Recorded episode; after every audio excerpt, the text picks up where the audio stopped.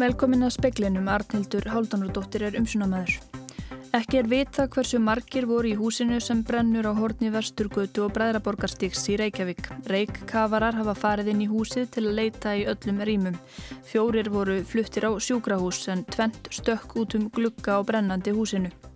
Sveitarstjórin Norðurþings segir tímabunna lokun Kísilvers PCC á bakka vera mikið högg fyrir sveitarfélagið. 80-90 manns mistu vinnuna þar í dag. Hamas samtökinn segja að láti Ísraelsmenn verða af því að innlima landsvæði á vesturbakkanum jafngildiða stríðsifilýsingu.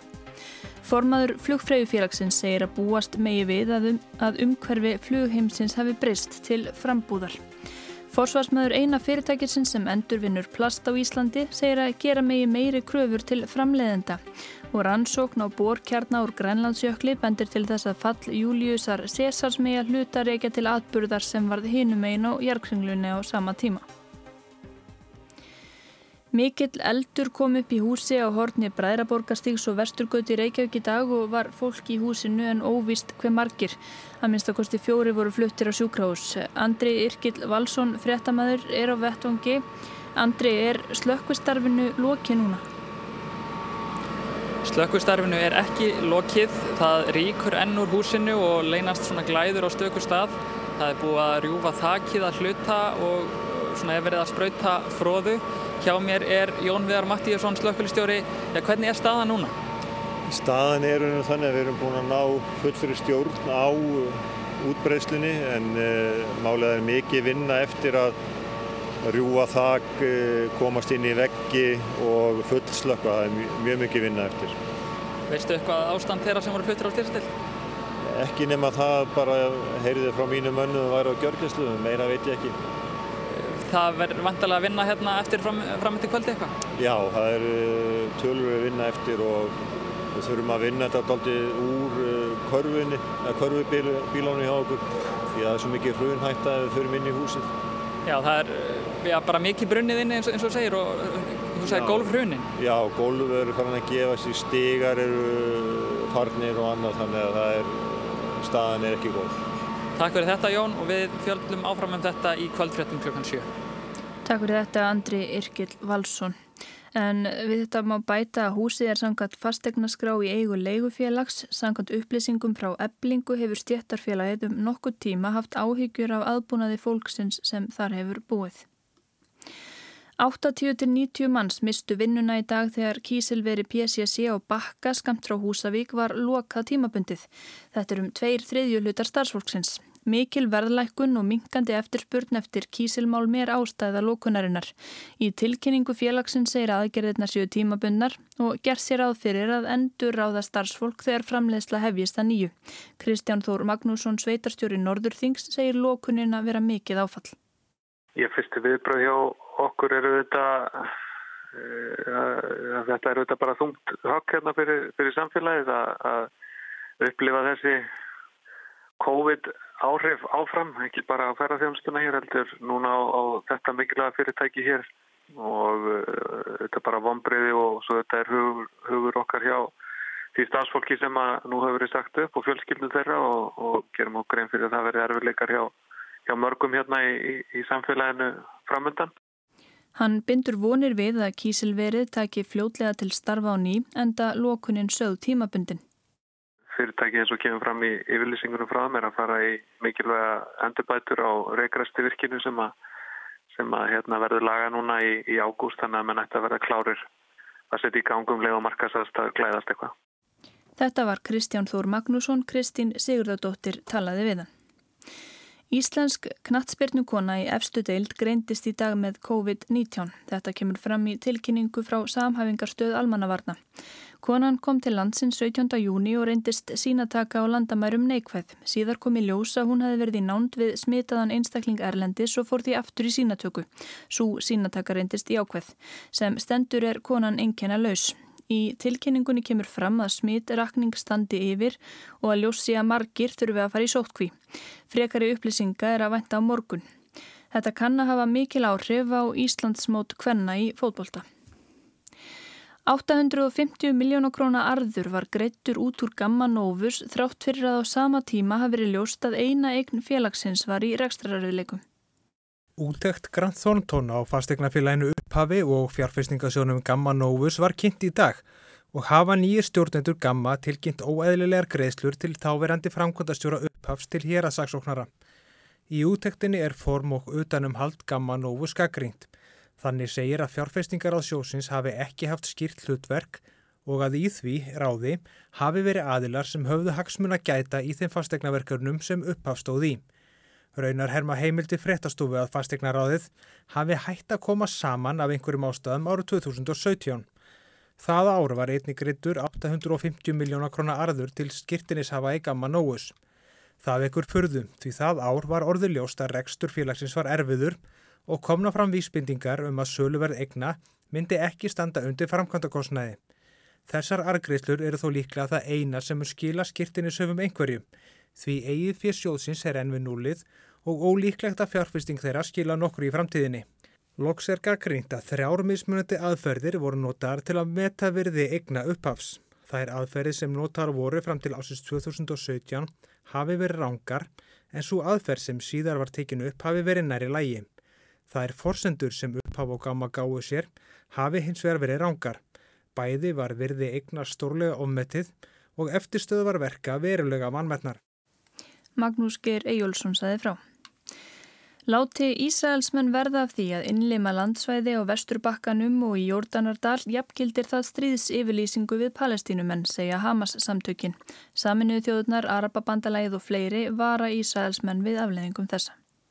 Abu Obeida, talsmaður hernaðar Arms Hamas, sendi í dag frá sér myndskeið þar sem hann sagði að samtökin myndu vernda palestínsku þjóðina, lönd hennar og helga staði. Ísraelsmenn ættu eftir að yðrast þess að þeir letu verða af því að leggja undir svæði á vesturbakkanum. Slíkar aðgerðir í apgildu stríðs yfir lýsingu. Samkvæmt áallum sem Ísraelsmenn og bandaríkjaman komu sér saman um og Donald Trump bandaríkjafórseti kallaði samning aldarinnar stendur innlimunin fyrir dyrum. Fullirt hefur verið að Ísraelsmenn higgist leggja undir sig 30-40% vesturbakkans þar á meðal alla austur Jérúsalem. Saminuðu þjóðurinnar og Arababandalagið skoruðu í gær á Ísraelsk stjórnvöld að falla frá áformum um landtökuna. Slikt geti haft alvarlega áhrif á öryggi og jafnvægi í Londonum fyrir botni miðjararhafs. Sjö Evrópuríki sendu einni frá sér yfirlýsingu þar sem framkom að innlimunin ætti eftir að draga stórlega úr möguleikum þess að koma á sáttum millir Ísraelsmanna og palestinumanna. Ásker Tómasson saði frá. Forstjóri sjúkratrygginga segir að skoðað verði í næsta mánuði hvort aftur verði farið að senda fólk til útlanda í læknisaðgerðir. Byðlistar eftir liðskiptaðgerðum hafa lengst meira vegna heimsfaraldursins en ekki eru fjár heimildir til að semja við klínikina. Samkvæmt lögum eiga sjúklingar hér á landi rétt á því að fara í aðgerðir erlendis ef þeir hafa beði lengur en þrjá mánuði. Ferðir hafa leiði niðri vegna heimsfaraldusins. Byðlistar hafa lengst hér á landi og býða til dæmis 830 eftir liðskipta aðgerðum á landsbítalanum. Kona sem er illa haldin af slítgikt og átti að fara til svíþjóðar í aðgerð gati ekki beðið og gegst undir liðskipta aðgerð í klínikin í ármúla. Sjúkratryggingar hafa ekki viljað greiða fyrir aðgerðina. Marja Heimistóttir er fórstjóri í sjúkratrygginga. Það ætti að semja við klínikina eða einhvern annan um það að auka frambóð á þessum aðgerðum að þá þarf þetta líka fyrir því fjármagn frá alþingi og það er í rauninni engin sérstök fjárheimildi staðar sem að gera það kleift að stemja við klinikina. Sótvarna yfir völd höldu ekki forsvaranlegt að senda fólk sem þurfti að fara í liðskipta aðgerð til útlanda á meðan faraldurinn var í hámarki. Undan farið hafa einungist þeir sem þurftu sérstaka brína meðferð farið. Það sé hins vegar í reglulegri endurskoðun. Við erum í reglum samskiptum við sótvarnar yfir völd og einmitt til þess að að eh, opna þessa kanala um leið og það er óhætt. Hefur þú einhverja hugmynd um sko hvenar það gæti orðið? Já, við tökum málið aftur upp í júli. Þetta var Marja Heimistóttir, Bergljótt Baldurstóttir talaði við hana. Formaður Flugfræðufélags Ísland segir ljóst að umhverfi flugheimisins sé breytt til frambúðar vegna ástandsins sem nú ríkir. Breytingar verði vantanlega hjá flugstjættum í takti við það. Nýr kjærasamningur flugfræja verður kynntur á morgun. Flugfröður sömdu við Æslandir í nótt áður var búið að semja við bæði flugverki og flugmenn félagsins. Sami er til fimm ára við alla þessa hópa. Það er vantarlega gert til þess að skapa fríða meðan að félagi er að réttur kútnum. Samningar við bæði flugverkja og flugmenn er gengur nokkuð greiðlega þannig séð. Það helgaðist meðal annars að því að bæði félagin voru með samninga í gildi og höfðu fengið þar hækani sem hviðir áum í lífskjærasamningum að minnst að kosta að hluta. Flugfreyjur voru hins verið þeirri stöðu að samningur þeirra var útrunnin og síðasta launahækun var frá því í mæ 2018. En samningar við flugfrýjur og flugstjettir þar sem verið er að auka vinnuframlag og sveigarleikan og laun hækka ekki hlutvall við það er ekki einstæmi flugrækstri um þessa myndir sem á mjög erfitt uppdráttar. En spurningin er hvort umhverju flugstjettanam sé að breytast vegna þeirra aðstæðana sem nú ríkja vegna COVID-farsótarinnar. Uh, já, það er alveg óhjákvæmilega hægt að segja að umhverfi flugheimsins er uh, væntalega gjör breyttur til frambúðar og þar munu væntalega þar stjættir sem þar starfa fyrir að taka einhverju breytingum í takt við það. Er við þá að tala um að já, flugfjölu verði jafnvel meira reygin sem já, lággjálda flugfjölu? Það er eitthvað sem ég hitt svo sem ekki svara fyrir en, en tímið þarf bara að leiða þegar ljós. Ég vona einnilega að svo verði ekki. Segir Guðlug Línei Jóhansdóttir formaður flugfreyðu félags Íslands. Nýtti félag lágjaldaflugfélagi Play hefur stemt að því að hefja reglulegt millandaflug. Í haust var sagt frá því að félagi hefði samið við íslenska flugstjéttafélagi um launakjör bæði flugmanna og flugliðan. Fullirt var að kostnæður félagsins væri 37% lægri en hann var hjá Vá á sínum tíma. En er Guðlugu kunnugt um þessa samninga? Uh, nei, ég hef ekki séð þennan samning. Það sem ég hef kannski málið að segja er að það er að mér vitandi starfar engin flugfræða hjá Play og þar lendi væntalega engin félagsmaður í þessu stéttafélagi þannig að þetta er hitt þurrulta mál og, og það er bara að skoða. Þannig að þú veist ekki um neinar flugfræðu sem hafa samið við Play? Að mér vitandi þá er engin uh, starfandi flugfræða sem er í þessu myndastjæftafélagi og starfar eða hefur kosið um þennan kjærasamning. Skilt er að láta ríkisáta sem er að fá afritað öllum kjærasamningum sem gerðir erum. Embæti hefur ítrekkað óskað eftir því að fá samningaplei en hefur ekki haft erindi sem erfiði. En er Guðlaug sáttu í kjærasamningin sem gerður var í nótt. Hún segir að skrifa það hefur verið undir samning eftir erfiðar og þungar viðræður. Við göngum að sjálfsögðu sátt frá borði. Við teljum að við höfum komist eins langt og við gáttum þeim atriðum sem við vildum halda fast í og, og hefur aðkomið fram að við horfum aðeins sem ákveðin varna sigur. Þetta var Guðlaug Línei Jóhannsdóttir, Arnar Páll Haugsson talaði við hana.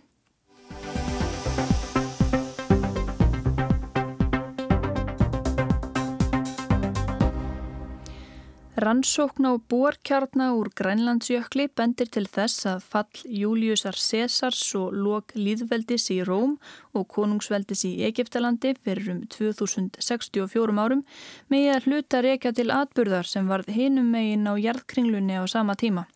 Kuldi og þurkar allir miklum og óvendum uppskerubresti í Evrópu og Norður Afriku á þessum tíma og nú er sjökudólkurinn loksfundin samkvæmt niðurstöður ansóknar sem fjallað er í um í nýjasta tímariti bandarísku Vísindaakademíunar.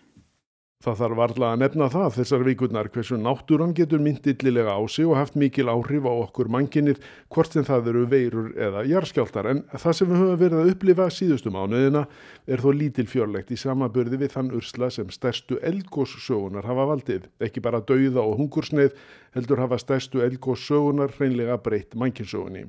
Skaftaröldar árið 1783-4 og kuldi, loftlarsbreyting og hungursneið í Evrópu í kjölfær þeirra eru sagaður um að hafa átt þátt í að rinda af stað frönsku byltingunni fimm árum síðar og nú hefur sangvand nýðurstöður rannsóknar sem byrtist í tímariti bandarísku vísindaakademíunar í vikunni tekist að tengja lok líðveldis í Róm og konungsveldis í Egiptalandi fyrir 2064 árum við gríðarlegt elgós hinum eigin og hnettinum.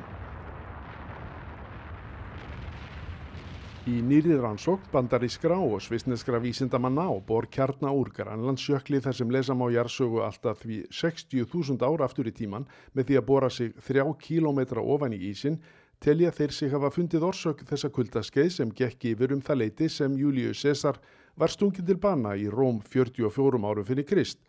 Kuldaskeiði sem stóði í nær áratug og allir hungursneið og þurkum á áhrifasvæðum Rómverja, allt frá Evrópu til Norður Afríku, þar sem Kleopatra gæti ekki lengur brauðfætt heri sína. Rannsóknin sínir að meðalhiti hafi fallið um með yfir þrjár gráður þessu tímabili. En hvað olli? Fyrir á þessu ári tókst vísindamönnum í loftlagsfræðum í Nevada í Bandaríkjónum og í Berni Sviss að tengja ösku og gleragnir úr borkjarna af grænlegasjökli við óvendan sökudólg. Við fingraför, ef svo má að orði komast, okkmokk eldfjallsins á álúta eigum sem tegja sig vegna landregs eins og spór eftir saumavélanál út frá ströndu Alaska og út í Beringshaf. Ekki bara eldfjöllin heldur minna loftslægið, landslægið og fiskimiðið þar á Ísland en það hafa Íslandikar gert út frá eigunum. Þetta ný uppgötvaða eldgós 45 árum fyrir Krist bætist í hópa á annars tugs reysa eldgósa sem verið hafa komað í ljós, sum þeirra jafnvel stærri en Tambora-gósið í Indonésiu 1815 til 1816 sem lengi hefur verið talið upplugasta eldgós sögunar. Haraldur Sigursson, eldfjallafræðingur, er meðal þeirra sem rannsakað hafa tambóragósið og önnur slík risagós. En hvaða áhrif hefði slíkt eldgós í dag? Það myndi hafa yfir áhrif á talsamband og allt í gegnum geiminn eða gegnum andrúsloftið. Það hefur flugsamgöngur, það er að loka leiðum aðal áhrifin er náttúrulega í, í heilkvæðinu, það er að segja að það er mikið magna vikri og ösku og brennisteini sem er best upp í heilkvæðin og myndar svona slæðu um jörðina og þessi slæða á hann endurkastað sólarljósi en okkur hluta frá jörðinni og kælir jörðina. Og uh, þessi kæling er nattræðin, hún myndi, myndi hafa mikil áhrif á veðurfar, valda hungursneið, það myndi hafi för með sér eh, pólitískan óróa, byltingar, svo það mætti búast við að það er mjög alvarlegar afleðingar af slíku stórgósi eins og í Tambóra. Og það er góð sem að kemur á svona að meðaltali eitt á, á 500 árum, á einhver staður í jörðinni. Það er mikið húfið í sambandið þessu góðs, menn það var eiginlega bara, bara hort fræðið bara eh, að þetta er svo stórt og bara fórnað höndum sko. Það það þýðir ekkert að vera velta þessi fyrir þeim, við ráðum ekkert við það. Það er ekkert endilega sko þekktu eldfjöldin sem eru hættuleg. Af því að þau eru verið að rannsaka og fylgjast með. Hættulegu fjöldin eru þau sem eru lítið þekkt eða, eða lítið rannsökun. Eitt af vandabálum í erfæðinar er að, að tekja þessi fjöld, að fara að leita upp þessi fjöld og það eru aðferðir sem eru til sem hægt er að beita við það sem eru uh, gísla aðferðir frá gerfinhöldin sem að geta mætt sporkurhefingar og sagt fyrir um hvar jörðin er að bólna upp áður um að, að gósa þessari starðagráðu koma.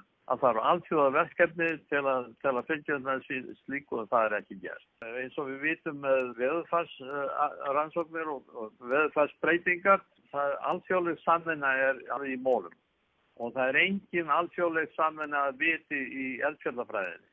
Segir Haraldur Sigursson eldfjallafræðingur. Áhrif eldgosa og veðurfar og kolununjarðar er ekki nefna um 40 ára gömul Nobelsverluna uppvötun veður og lofthjúpa fræðiksins Pól Krutsens.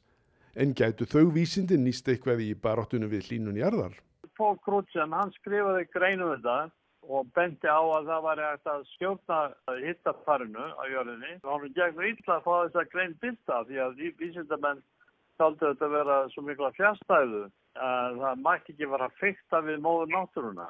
Það var komið í ljós sko sem var 1980 upp úr, upp úr 1980 og það væri eitt möguleiki að dæla brennsteinu upp í heilkólp. Það myndi það draga úr sólarljósið sem næði til jæðarinn til að vinna móti nattræðinni lífun. Það er framkvæmulegt að það er svona 477 flugvelar fullar af brennisteini sem að fljú upp í heilkólfi á hverjum degi og dempa brennisteinu upp í heilkólfi. Þetta, þetta rignir út náttúrulega. 400 júmbóþótur á dag með sínum útblæstri, kannski veitum frekar að reyna að finna okkur eitthvað aðra aðferð gegn hlínunjarðar. Jón Björgvinsson tók pistilinn saman.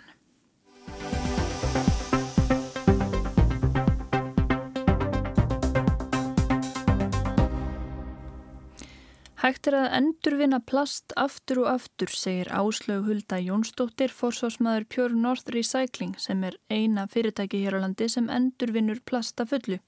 Ráefni til plastframleiðslu er síðan selt til fyrirtækja hér og Erlendis. Áslaug segir að það séu verðmæti í plastinu og gera mig meiri kröfur til framleiðenda. Það ætti að vera fólki í hagað endurvinna. Á hverju ári falla til um 20.000 tonn af plastúrgangi á Íslandi og nær allt umbúðaplastir flutt úr landi eða um 95%. Eina plastendurvinnslu fyrirtæki landsins Pure North Recycling í hveragerði gæti endurunni þetta allt en í ár er áætlað að framleiðslan verði í kringum 5.000 tonn eða fjórðungur af fullri afkastagetu fyrirtækisins. Áslög Hulda Jónsdóttir hjá Pure North Recycling segir að miklar framfarir hafi orðið í endurvinnslumálum hér á landi en að hægt sé að gera betur. Ég held að það hafa orðið mikla fram, framfarir en ekki nóga miklar. Og mér finnst hlutinir ganga rosalega hægt. Og við í Pure North Recycling við upplifum okkur oft við þurfum að vera rosalega mikið að passa inn í einhvern ramma sem er búin fyrir allt annan veruleika en við lifum við í dag og við höfum náttúrulega bara verið að, að flytja megnið að okkar úrgangi til útlanda, svona að einhver annar á að taka ábyrð á því, þannig að þú veist það hefur verið svolítið erfitt að fóta sig og við höfum svolítið verið að segja, heyrðu, hvað, við erum öll að tala um þetta hringrasarhagkerfi, sjálfbarnina. Þannig að það er svolítið erfitt að þurfa að vera í þessum slag þegar maður er komin af stað með það að vera endurvinna, að einhvern veginn að stjórnvöld og kerfið sé einhvern veginn að við getum gert miklu betur í því að vera með kvartana þannig að við séum umhverfisvætni og séum að gera betur. Fyrirtækið er nú rúmlega 5 ára og byrjaði á því að endurvinna heyrúluplast og það er enn megnið af því plasti sem er unnið hjá fyrirtækinu um 2000 tonna á ári. Það er til dæmis svolítið sérstakt að það er oft meira sem er flutt úr landi af heyrúluplast en er flutt inn til landsins. Það er svolítið sérstakt en við erum kannski með fjórðung, við erum ekki með meira. Í endurvinnslu þá skiptir svona hvernig við förum um, með hlutina og hugsaum um þetta sem afurð en ekki úrgang og það svona er átak og þetta er að breytast rosalega hratt. Það sem við svona erum byrjað að flokka betur, það er byrjað að fara betur með heyrúluplastið þannig og það er að skilja sér og það er alltaf að aukast hvað skilja sér til okkar. Áslaug segir það hafa verið áskorin að ná að endurvinna heyrúluplastið sem sé bæði þund og óhreint og fyrst að það var hægt sé ekkert því til fyrirstöðu að endurvinna annað plast eins og umbúðaplast. Þannig við höfum verið að bæða endur nýja búnaðin og eru núna komið tvær línur og sennilega þriðja línin að koma. Þess að við erum bæða að taka eh, heyrúluplastið og svona plastfilmu almenna og, og, og umbúðir og líka harplast sem er bara eins og þú veist þessar þetta grófa harðaplast sem að sjampo og brúsarnir okkar eru í og annað. Þannig að hérna, við erum að fjölga þeim tegundum sem við getum endurinnið og stefnan er að við getum bara verið svolítið til fyrirmyndar hérna heima og getum bara endurinnið okkar allt okkar plast, tekið þessa ringrás allar leið. Pure North Recycling sé eina plastendurvinnsla landsins nýti jarðavarma og kólefnisspor þess sílítið. Þannig að við getum bara sínt fram á mjög auðveldlega að við erum sko minnsta kólefnisspor af öllum plastframleðendum í heiminu. Að því að aðrir eru að nota olju, kól, kjarnorku og bara þurfa miklu meira vatn, hafa ekki þennan hita, þurfa nota mikið kemiskum efnum. Á meina við með jarðvarman og mikla hitan þurfum lítið vatn engin kemisk efni, þannig að þetta það áður var alltaf, við höfum verið að tala um áli í þessu samengi, við getum bara orðið risastóri plastendurvisli ef við viljum vera umhverfisvæn. Áslög segir að fyrir nokkrum mánuðum hafi verið gerð óháð úttækt í samvinnu við úrvinnslusjóð og gámur fylltur af heyróluplasti. Þegar búið var að reynsa reyndist 30% vera plast og 70% drulla og grjót. Þegar við erum ekki endurvinda hér, heldur erum bara flytið og meðhandlið á landi, getur bara ímyndu okkur umhverfisáhrif kólefnissporin sem við erum öll að reyna að minka að vera einhvern veginn að flytja þetta og svo eru við hinn endan að flytja plast og endurinn úr landi og síðan eru hér frábær fyrirtæki á Íslandi sem eru að búa til vörur úr plasti sem eru kannski að flytja plastið að utan. Fyrirtæki sé komið í samstarfið nokkra plastframleiðendur hér á landi sem ætlaði að nota endurunnið plast frá þeim. En hvað er framleitt úr endurunnu plasti? Til og með mikið af þessum lagnarörum til að hita upp stjættin okkar og, og einhverjar festingar þar. Þannig að það er mjög mikið af plasti sem er unnið hér að, og endurunni plasti sem að vera að horfa leiðir þar. Uh, að því vorum að tala um heyrúluplastið það er líka í, í gripahúsin það sem að er svona ákveði plast sem er notað undir, undir dýrin sem er, er unnið úr endurunni plasti þannig að það eru mörg tækifæri og svo náttúrulega getur plastfilma aftur árið plastbóki og það er svona önnur umræða sem hefur oft verið á villigötum hér um að banna allt plast og voljúmið þannig að veist plast getur bara aftur úr plast og auðvitað með endurinn plastboka þá eru umhverfisáhrifin því miklu, miklu minni heldur en Er þetta endurvinnan svo aftur? Eða? Já, það er, það er að endurvinna plast aftur og aftur og það fer alltaf náttúrulega eftir hversu, það snýst alltaf um hreina ströyma, að við sem ekki að blanda saman ólíkum efnum, en það er að endurvinna plast aftur og aftur og svo þegar ef að plast er orðið lélegt, þá bara getur við bætt við svolítið betra plasti með til að bara herða og styrkja blönduna og svo til dæmis samstagsaðili okkar Erlendi sem er að búa til svona pallaefni og skjólgirðingar og svona allt úr, úr plasti, endurvinnu plasti Áslaug segir fyrirtækið horfa til þess að geta í framtíðinni tekið við plasti frá heimilum og endurvinna. Fólk vilji flokka og yfirvöld verða sjá til þess að það sé einfalt. En flokkun getur líka verið flókin. Við erum kannski með þrjá sjampabrúsa heima hjá okkur og það er kannski þreymur ólíkum tegundum af plasti. Þannig að það, þá kemur aftur á svona hlut sem er svona meira að byrja að tala um núna í þessum umhverfisbransa sem er framlegend ábyrð, sem er ábyrð þeirra sem er að búa til vörunar. Bæði hvaða efni verða að nota eru vörurnar í einhverju hreinu efni, er hægt að endurvinna þær og hvernig er þar mertar. Þannig að fyrir okkur sem eru neytendur sé auðveldur að flokka og við sem erum að endurvinna séum líka þannig að þetta farið þannig að ring sem við viljum að hann fari í. Áslug segir að í Danmörku hafi verið búið til samnorænt merkingakerfi sem síni hvernig á að flokka og þetta kerfi sé vantanlegt til landsins. Ólík kerfi og merkingar hér á landi hafi gert þetta floknara en þetta þurfið að vera í þessum umhverfismálum erum við alltaf, við erum svo oft í svona quick fix, bara við ætlum að rætti þessu. Þannig að aðilar hafa hlaupið til og fara að breyta kannski umbúðum í það að gera eitthvað sem var hægt, bara sem er reynd plast var hægt að endurvinna í að gera eitthvað sem er ekki hægt að endurvinna. Áslug segir að umræðan um plast sé ofta á villigutum og ekki hort á heildarmyndina. Við getum bara sapnað öllum eirnapinnum sem falla til á Ísland á einu ári og við erum ekki klukkutíma að endurvinna það í endurvinslun okkar í hverjarkeri. En það sem ég kannski segi með þessu er það er svo mikið af plastin sem fellur til bara inn í vöruhúsunum, þú veist við erum með plast út um allt og við eigum að hugsa þetta í miklu stærri mynd þannig við náum miklu meira magni, það eru 20.000 tonn talið að falli til að plasti hérna á Íslandu hverju ári og við erum bara að endurvinna brota brota af þessu og þarna getum við gert miklu betur og þarna finnst mér kerfið of seint að vakna og svara og þannig við séum svona dugleiri hérna að því að Ísland hefur alla börju til að vera til fyrirmyndar í þessum mál.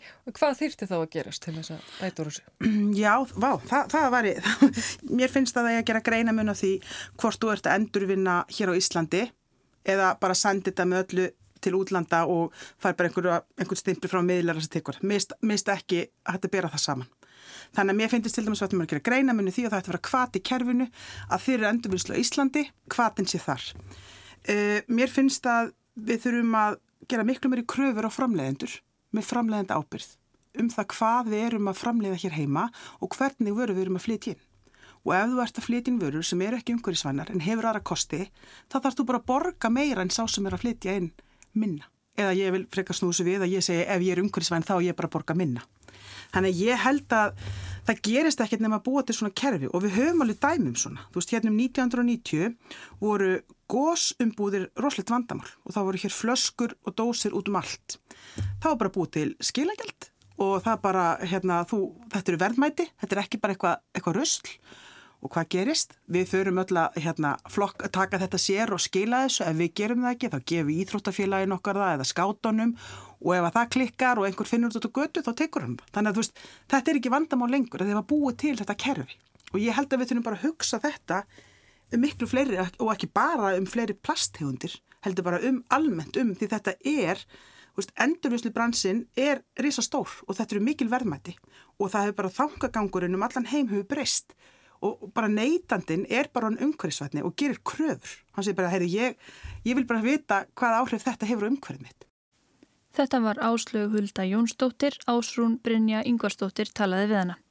Og það var meðal efnis í speiklunum í kvöld að fólkið sem var flutt slasað á sjúkrahús frá brennandi húsi á horni Bræðraborgarstíks og Vesturgötu í Reykjavík í dag er allt á gjörgæslu. Slökkvistarfi í húsinu er ekki lokið og mikil vinna eftir. Slökkuleiði hefur nátt fullri stjórn á útbreðslu eldsins.